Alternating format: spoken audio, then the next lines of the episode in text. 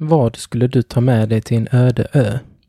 En artikel av Daniel Lykander.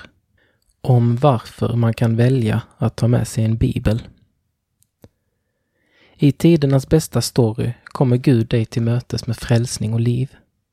Genom Bibeln talar Gud personligt till dig, ger vägledning, förståelse och en grund att stå på.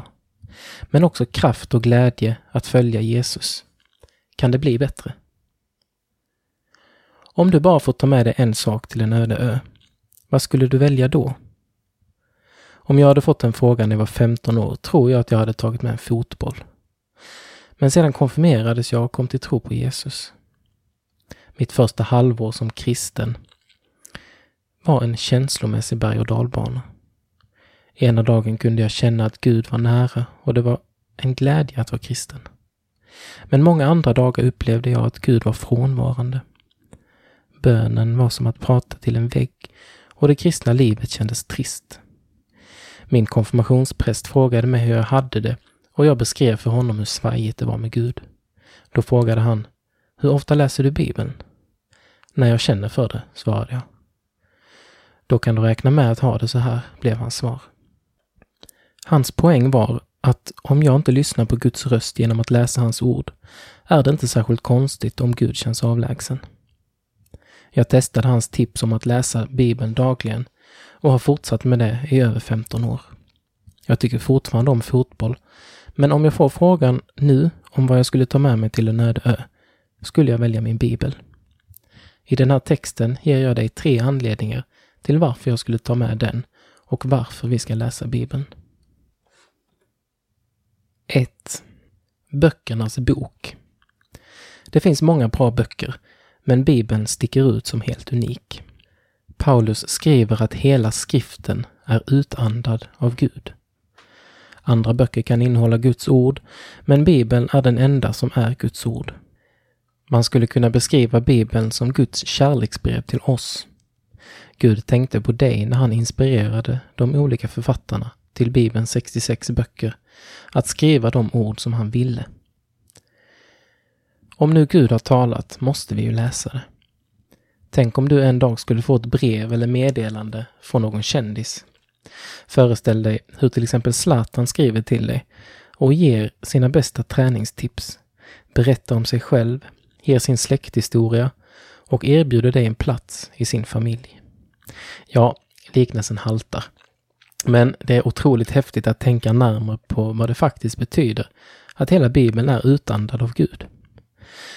Universums herre och skapare har skrivit ett kärleksbrev till just dig.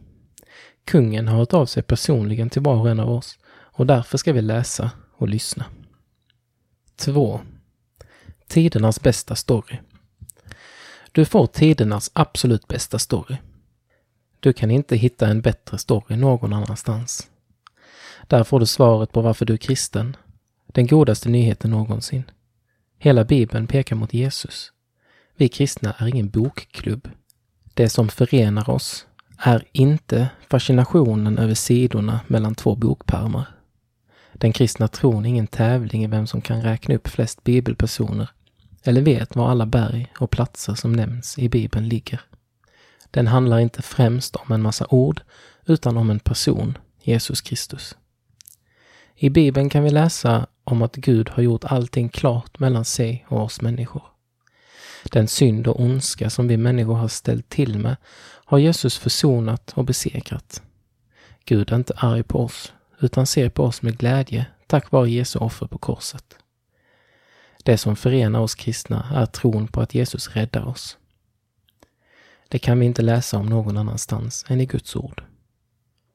Jag behöver läsa Bibeln för att kunna vara kristen, lära känna Gud och för att tro på syndernas förlåtelse. Storyn om Jesus är värd att läsas om och om igen. Den blir till och med bättre ju mer vi får läsa, förstå och fördjupa oss i den. 3. Uppmuntran på vägen. På en öde ö blir man lätt deppig, skulle jag tro. Då behöver man uppmuntran för att orka kämpa. Och visst är det så i ditt och mitt liv också. Vi behöver både vägledning, uppmuntran och guidning för att fortsätta vandra med Gud. Guds ord ger oss kraft att leva som kristna.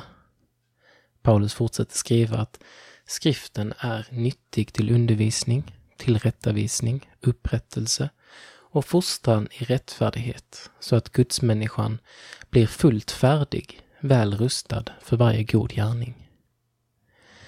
I en relation kan rätt ord vid rätt tillfälle förändra allt.